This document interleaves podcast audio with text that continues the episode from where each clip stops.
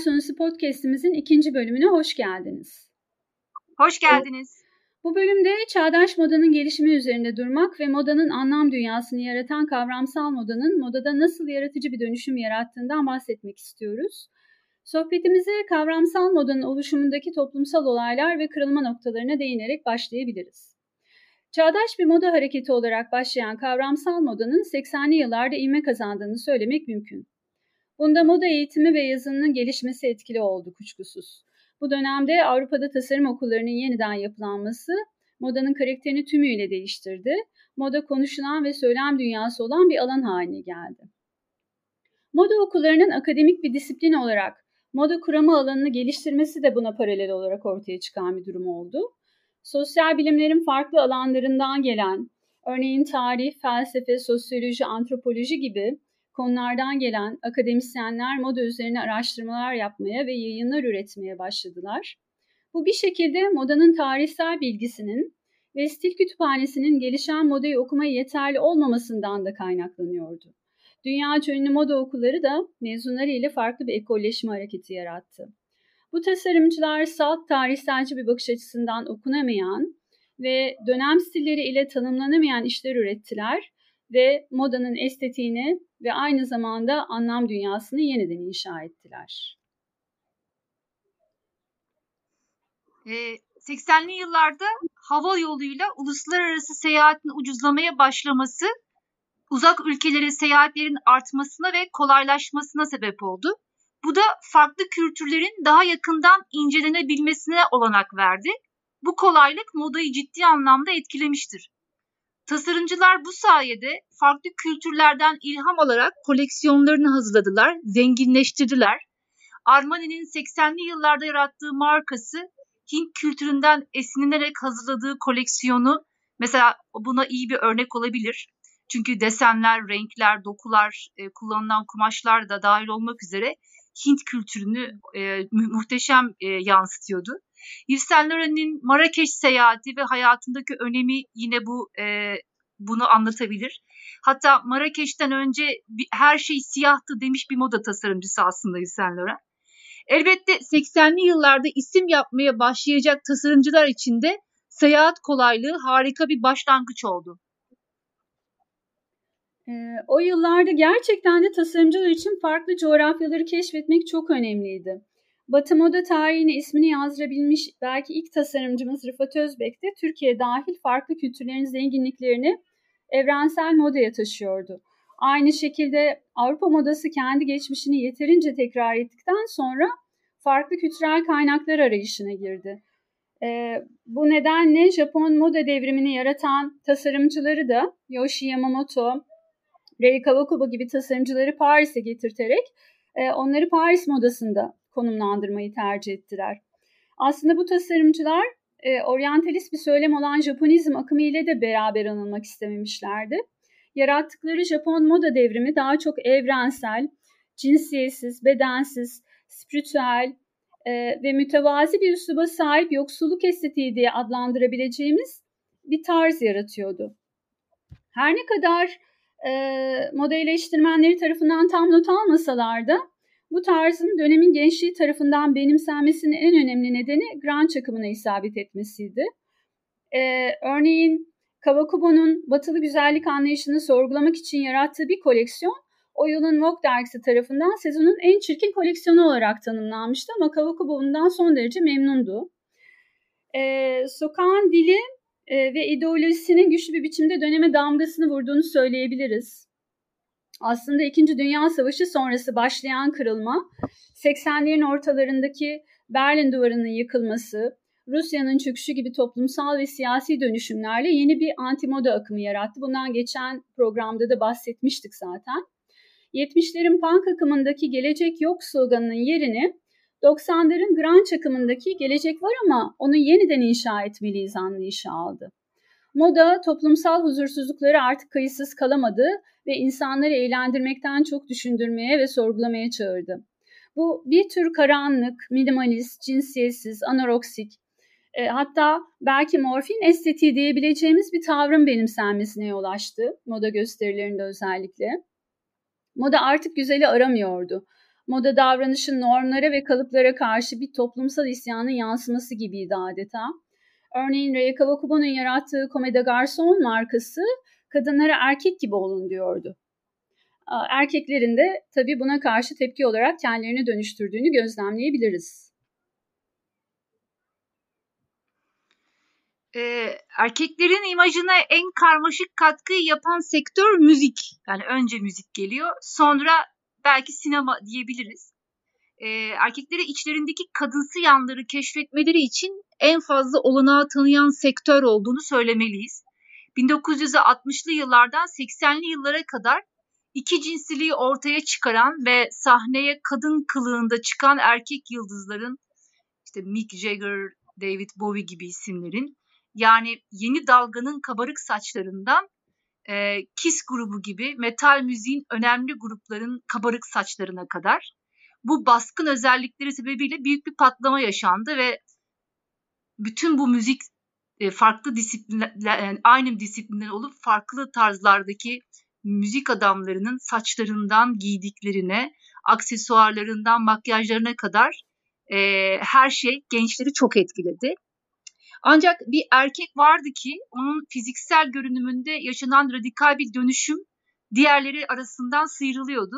Michael Jackson, pop'un kralı, e, milyonlarca gencin davranışlarını ve giyim tarzını ciddi anlamda etkilemiş bir isim. E, Jackson işe dış görünüşünde gerçekleştirdiği köklü bir değişimle e, tüm dünyayı şaşkına çevirerek başladı. Hem cinsiyetini hem de ırkını belirsiz hale getirerek dünya basınında yer aldı. E, bana kalırsa toplumsal cinsiyet değişiminin miladı aynı zamanda Michael Jackson. E, gerçek bir devrim gerçekleştirdi ve zihinlerde soru işareti bıraktı. E, bu, bu, bu değişimi niçin yaptığını sordurdu. E, elbette e, 2019'da çekilen Neverland First Stand adlı belgeselle senin de çok e, özellikle belirttiğin e, bu e, pedofil vakaları e, evet hemen hemen kanıtlandı. E, bunu da bu yanını da mutlaka belirtmekte fayda var tabii. E, müzik alanında böyle ama sinemada da e, Amerikan filmlerindeki e, erkek başrol oyuncuları her biri iri yarı fizikleri ve köşeli çeneleriyle aslında birer rol modeliydi. E, John Wayne, Humphrey Bogart, e, Robert Mitchum, Lee Marvin ve William Holden bu isimlerden bazıları. Bunların tabii bir, bir takım yani sadece e, görünümleriyle değil, e, davranışlarıyla, e, erkek olarak duruşlarıyla, e, kadınlara davranışlarıyla da aynı zamanda rol modelleriydi. Onların yerine yeni bir erkek yeni erkek modelleri gelmeye başladı elbette. O bir dönem kapandı. Yerine işte Marlon Brando, Steve McQueen, Clint Eastwood gibi, Robert Niro gibi isimler geldi. E, onların da hem e, erkek olarak varoluşları, aynı zamanda kadınlara davranışları ve e, elbette e, modayı, kullanış biçimleri de e, çok etkiledi. İşte bildiğimiz Marlon Brando'nun beyaz atleti sokağa taşmış, taşımaya, bu beyaz atleti sokağa taşımış bir isim mesela. Bunu söyleyebiliriz. Ve birçok alanda da tabii e, rol model olmaya devam ettiler.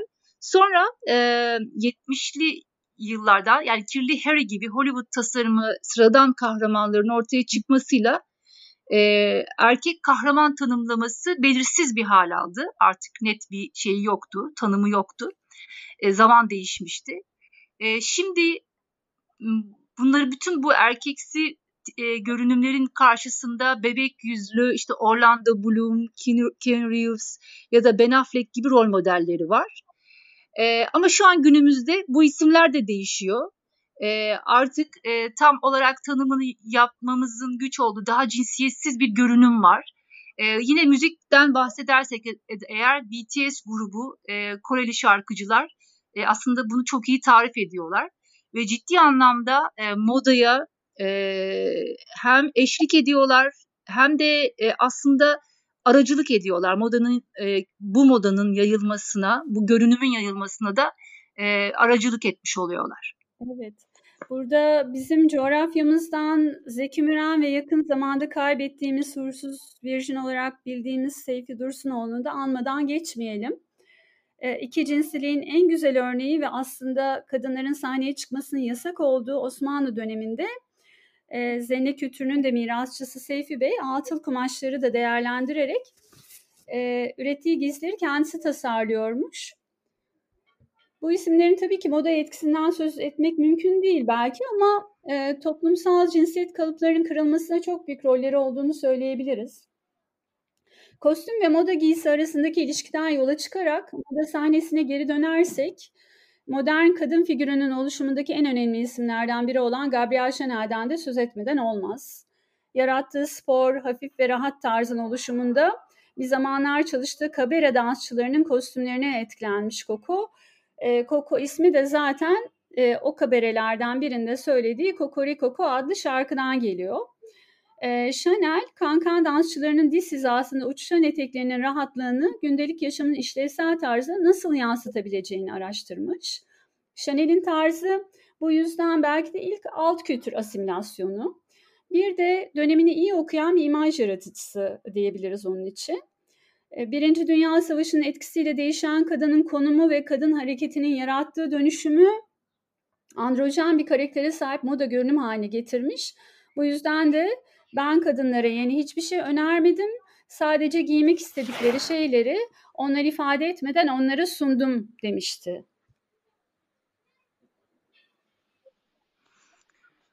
Ee, 20. yüzyıl boyunca e, erkeğin otoritesi karşı konulamaz bir gerçekti.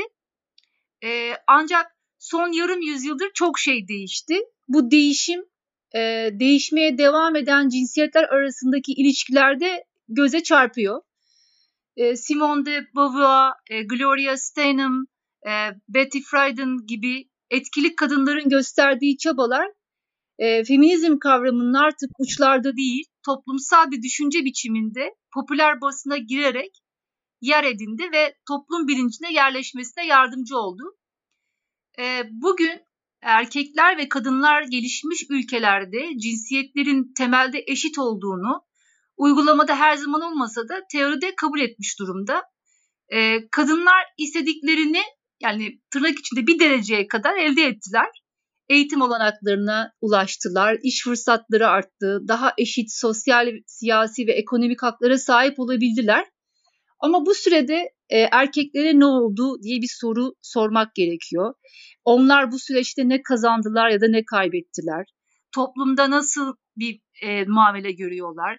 Ve yaşanan bu sosyal, siyasi ve ekonomik değişimler acaba onları nasıl etkiledi? Bütün bu sorulara e, Marian Sazman'ın bir, Sazman bir kitabında e, 1980'li yıllarda geri kafalılar, 1990'larda tek çocuklu kadınların yükselişi ve 2003 yazında metroseksüellik kavramlarının dünya literatürüne girdiğinden ve bunların e, karlı pazar alanları olduğundan bahsetmişti e, o kitapta. E, bu 80'li yıllarda geri kafalılar teriminden ilk söz edildiğinde hip hop bir emekleme aşamasındaydı. E, Birçok insanın haberi yoktu. E, bilenler ise bunun gelip geçici bir e, gelip geçici bir şey olduğunu düşünüyorlardı. Ama şimdi baktığımızda hip hop e, bugün esas kültür. E, Birçok marka sokak modasını yakalayabilmek için de çalışıyor hala.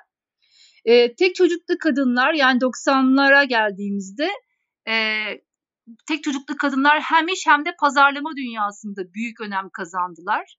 E, hatta zamanda Time dergisi bekar kadınları kapak konusu yapmıştı. E, yeni aile arkadaşlar mı diye bir soruya cevap aranıyordu e, bekar kadınların evli çiftlerden sonra ikinci sırada en çok alışveriş yapanlar listesinde olduğu e, sonucu çıktı ortaya. E, ekonomik açıdan çok e, güçlü oldukları e, görüldü. Ama bunun yanında erkekler de ev işleriyle uğraşıyorlar, spor yapıyorlar, cilt bakım ve estetik yaptırıyorlar, evin dekorasyonu ve mobilyası, mobilyaları konusunda karar veriyorlar ve bu erkeklerin artışı erkekleri işinin erkeklerin iş dünyasını temelden etkiliyor. Ee, en önemlisi reklam ve pazarlama departmanları erkeklere karşı yaklaşımlarını değiştirmek zorunda kaldılar. Bu erkeklerin hiç olmadıkları kadar önemli hale geldiğini gösteriyor aslında. E, Türkiye'de de bu çok yakın zamanda 3-4 yıl önce e, Can Bonomo ile gerçekleştirildi aslında bu anlamda baktığınızda ilk defa e, bir tabu yıkıldı. Erkeklerin ağladığından bahsedilirdi. E, ama e, Can Bonomo bir şarkıyı tamamen e, değiştirdi. Erkeklerin de ağla, ağla yani o meşhur bir şarkıyı e, tersine çevirdi ve e, bir e, erkek e, bakım setinin tanıtımı yapıldı Türkiye'de. Bu anlamda Türkiye'deki bir ilkti diyebiliriz bu yakın tarihte olan. Tabii kitle iletişim araçları kültürün yapılanmasında çok büyük bir rol oynuyor ve genellikle toplumun veya ailenin sunabileceğinden çok daha güçlü rol modelleri sunuyor. E, 80'li yıllar erkek giyim modasının ben de varım dediği ama sadece sahne önünde olanların cesurca giyinebildiği dönemler e, olarak göz, gözlemliyorum.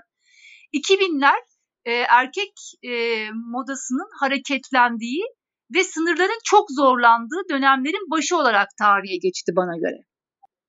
Peki biraz da modanın sanatlı flörtünden bahsedelim. Moda sanattan ne ölçüde beslendi ya da besleniyor ya da tam tersi. Bu ilişkinin inşasında hiç kuşkusuz beden olgusunun toplumsal dönüşümü, bedenin yeniden biçimlenmesi ve kavramsal sanatın gün yüzüne çıkması etkili oldu kadın ya da erkek rollerinde. İkisinde de bu böyleydi. Ama aslında kırılma çok daha önce başladı. İlk bohemler diyebileceğimiz avantgard sanatçılar modayı etkilediler. Avrupa'da bir avuç sanatçı kadını özgürleştirme hareketinin bir parçası olarak 1911 yılında Reform Dress denilen cinsiyetsiz ve sanat eseri niteliğinde bir giysi önerdiler. Bunlar yeni sanat yani Art Nouveau akımının öncüleriydi. İşlerinde Joseph Hoffman, Koloman Moser ve Gustav Klimt vardı ki Klimt Bohemia'nın yeni kuralı olarak da New'yu savunuyordu. Ee, bu tarz kadını o dönemin şatafatlı rokoko, barok gibi dekoratif tarzlarından kurtarıyor Viktoryan döneminde ahlak anlayışını yerle bir ediyor e, ve ruhani e, aynı zamanda da entelektüel bir e, tavrı öneriyordu. Modanın sanatla buluşması tabii ki o dönemde ticari olmadı. E, 60'lı yıllardan sonra ise çağdaş sanatla bedenin yeniden tanımlanması söz konusu olduğunda beden neredeyse bir kanvas olarak kabul ediliyordu ve bundan pek çok tasarımcı e, bir e, tasarım e, etkisi olarak yararlandı. Koleksiyonlarında bu fikri kullandı. Pop art desenlerin giysiye uyarlanmasından tutun da başka sanat eserlerinin bedene aktarılmasına kadar pek çok giysi tasarımıyla karşılaştık. Bunun en güzel örneği Yves Saint Laurent'in De Stil akımının etkisinde bir koleksiyonu e, renklere ve desenlere ve biçimlere yansıtmasıydı bence. Ee, ben özellikle ressam Gustav Klimt'in özgürlükçü giyim anlayışı ile hayranı olduğum bir romantik olduğunu söylemem lazım. E, giydiği elbiselere hayranım. Özellikle mavi bir elbisesi var. E, sanırım güçlü kişiliklerin hele de sanatla ilişki içinde olanların modayla ya da giyimle ilişkisi güçlü olduğunda inandırıcılığı çok yüksek oluyor. E, bu anlamda düşüncelerini üzerinde taşıyan bir isim olması çok kıymetli. Aynı şey e, Friedensreich Underwasser'in de e, onda da var. Mimarlığı yanında ressamlığı ve elbette ilginç giyim tarzı ile çok inandırıcı bir başka isim.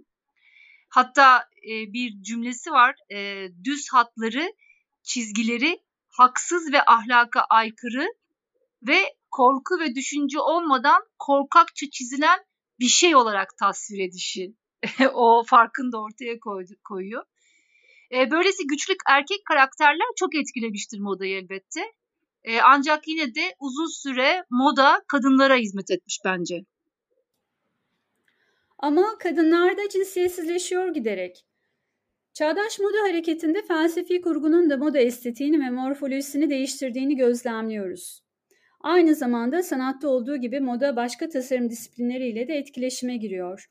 70'li yıllarda filozof Jacques Derrida'nın geliştirdiği dekonstruktivizm önce mimarlıkta etkisini gösteriyor, ardından moda estetiğini yapma, tasarlama biçimini dönüştürüyor. Uzlaşmacı bir tavırdan çok muhalif bir tavrı benimseyen yapı sökümcü hareket, Derrida'nın ifadesiyle söylenen değil, henüz söylenmeyene odaklanıyor. Özetle başka bir dünya mümkün düşüncesiyle sonsuz olasılıklara ve katman dünyasına olanak tanıyor kurguda. Moda tasarımında yerinden etme, görünmez olanı görünür kılma, ters yüz etme, bitmemişlik hissi, işlevsel olanın dekoratif bir detay olarak bir anlam yaratması bu tasarım metodunun özellikleri. Avrupa'da Antwerp Flander Moda Enstitüsü'nden yetişen öğrenciler bu hareketin öncüsü oldular. Açıldığında okula 60 öğrenci kabul edilmişti. 1984 yılında sadece 12 öğrenci mezun olabildi.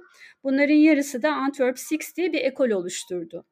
Bu tasarımcıların içinde yer alan Martin Margiela daha sonra gruptan çıkarak bağımsız markasını geliştirdi ve tasarım koleksiyonları ve iletişim stratejileriyle dekonstrüktivizm akımının da öncüsü oldu. Margiela yeni bir düşünce yaratmak için yeni bir malzeme kullanmaya gerek yok diyordu. Ee, Avrupa kültüründe eski giysilerin statüsünü olağan dışı biçimde de değiştiriyordu. Aynı zamanda ileri dönüşüm hareketinin de öncüsü oldu 90'lı yıllardan itibaren.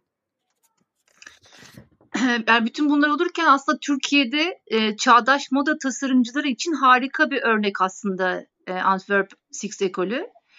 Bizde de tasarımcının önemi çok yeni anlaşılıyordu. E, tasarımın ve tasarımcının kelime anlamı henüz kavranmamıştı bile. E, İTKİP yani İstanbul Tekstil ve Konfeksiyon İhracatçıları Birliği'nin düzenlediği yarışma ile kendilerini gösterme şansı buldular diyebiliriz tasarımcılar. E, bu yarışma sektörün ihtiyacı olan tasarımcıya ulaşmak için planlanmıştı. İsmi de İTKİP Genç Stilistler Yarışması'ydı. Ancak sektörün ihtiyacından çok ülkenin ihtiyacı olan moda tasarımcısının ortaya çıkmasına vesile oldu. E, şu an ismini bildiğimiz kendi moda evleri olan pek çok tasarımcının profesyonel moda dünyasına girmesine sebep olan ilk adımdır bu yarışma. E, ve her sene düzenli olarak yapılıyor ve gelenekselleşmiş bir oluşum e, hala devam ediyor.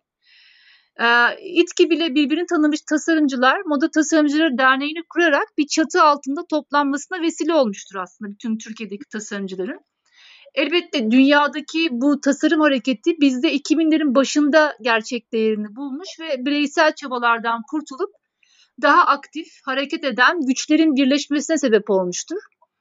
E, İTGİP, Türkiye Giyim Sanayicileri Derneği gibi tekstil ve moda dünyasının nabzının attığı e, dernek ve birliklerin yanında artık Türk Moda Tasarımcıları Derneği diye bir oluşum vardır ve kendi kurallarını koyup haklarını korumakta. Yani dünyanın moda şehirlerinde kavramsal moda hakkında tasarım dünyası çeşitli sunum biçimleriyle karşılaşırken biz de henüz kendi alanımızı kabul ettirmeye ve yaratmaya çalışıyorduk. Bence son 15 yıl içinde ülkemizde üretilen moda tasarımının kavramsallığından ya da tasarım kimliğinden bahsedebiliriz. Önden öncesi bir arayış, kendini arama dönemi diye diyebiliriz. Ee, evet böyle bir çaba var elbette ee, ama Türkiye'de avantgard hareket yeterince etkili bir söylem dünyası yaratamadı belki de. Ee, bunda yapılan etkinliklerin ve basında moda kritiği mekanizmasının da etkili olmamasının belki e, rolü var. Moda Tasarımcıları Derneği'nin öncülüğünü yaptığı bir organizasyon vardı İstanbul Fashion Lab adında. Bence buna özel bir önem atfetmek gerekiyor. Ee, burada seyrettiğim birkaç gösteri defileden öte sanatsal performansları e, çağrıştırıyordu. Ee, örneğin Ümit Ünal'ın e, Amish toplumu ile ilgili defilesini unutamıyorum. Adeta bir film sahnesinin içinde gibiydi izleyici. Bir masa kuruldu ve e, defileden sonra sanki o masaya izleyici davet edilecek gibi izledi herkes. E, zaten o dönemde Ümit Ünal'la ilgili yazılar yazıyordum. Seninle ilgili yazılar yazıyordum koleksiyonlarınla ilgili hatırlarsan. Ee, evet. Dolayısıyla tasarımcının söylem aktarma çabası giysilerin görünümlerinden öne e, çıkıyor aslında bu tür buluşmalarda. Bu sıklıkla Hüseyin Çağlayan'ın defilelerinde de gördüğümüz bir özellik. Koleksiyonlarını bir performansla sunuyor Çağlayan ve özellikle beni çok etkileyen Afterwards, 2000 yılında yaptı Afterwards yani sözün bittiği yer olarak çevirebiliriz belki bu koleksiyonu. Ee, Kosova Savaşı sonrası evlerini terk etmek zorunda olan mültecilerin evlerine olan aidiyet duygusunu yitirmemeleri için yanlarına alabilecekleri ve bedenlerinde taşıyabilecekleri minimum eşya ile evlerinden ayrılmalarını sergilemişti. Bu senaryoda sandalyeler valizlere, kılıfları giysilere, sehpa eteğe dönüşebiliyordu. Onun kavramsal koleksiyonlarında bir fikri gerçekleştirmek ya da cisimleştirmek için gerekli olan farklı teknoloji ve teknikler moda tasarımının yaygın giysi yapım tekniklerini de dönüştürüyor. Bir tür aradalık yaratıyor aslında ve e, tür ve jenre olarak giysiden farklı bir ürün tasarlıyor diyebiliriz. Buna yazdığımız bir makalede giysi nesne e, demiştik e, Deniz Güner'le birlikte.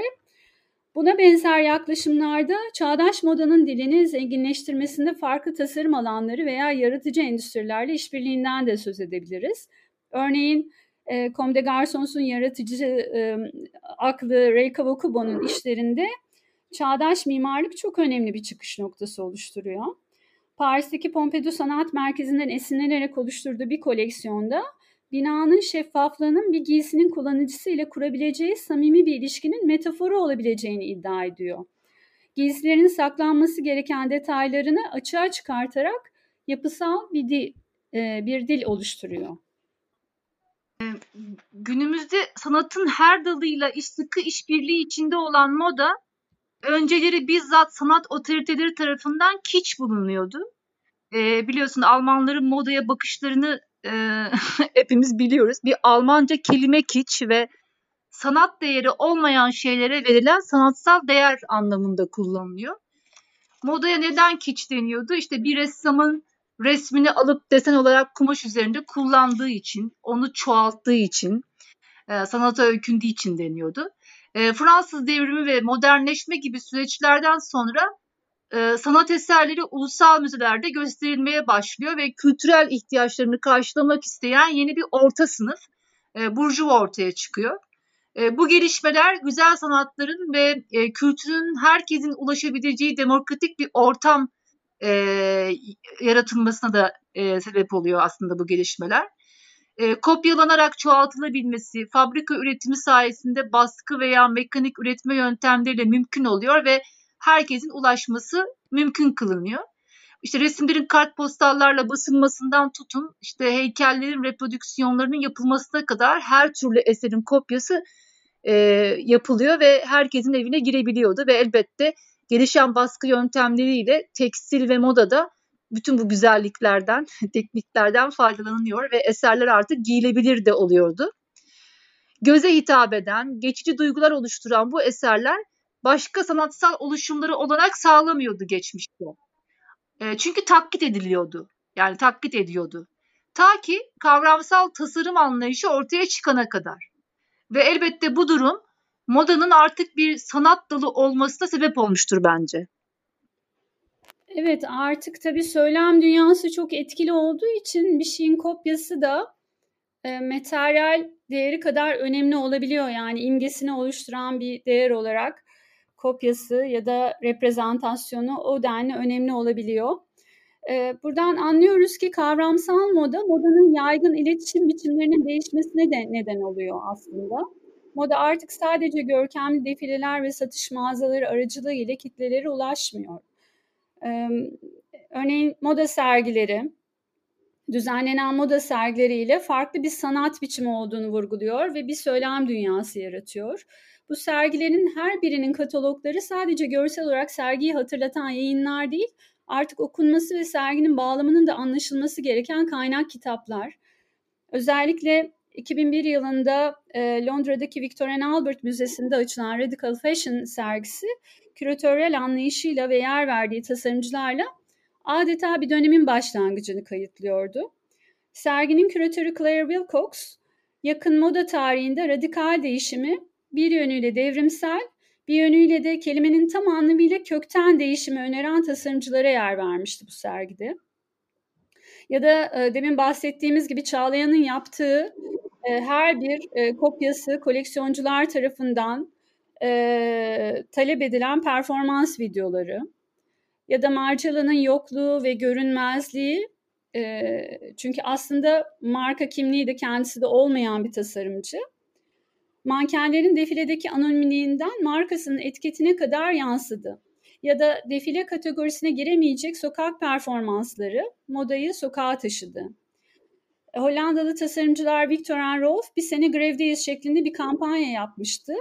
Bu kampanya gerilla bir etkinlik olarak daha fazla dikkat çekti diğer moda gösterilerinden. Tüm bunlarla birlikte moda filmleri ve kavramsal modanın semiotik dünyasında imgenin gücü de başka bir etki alanı yaratıyor. Belki başka bir programda konuşulması gereken uzun bir konu bu.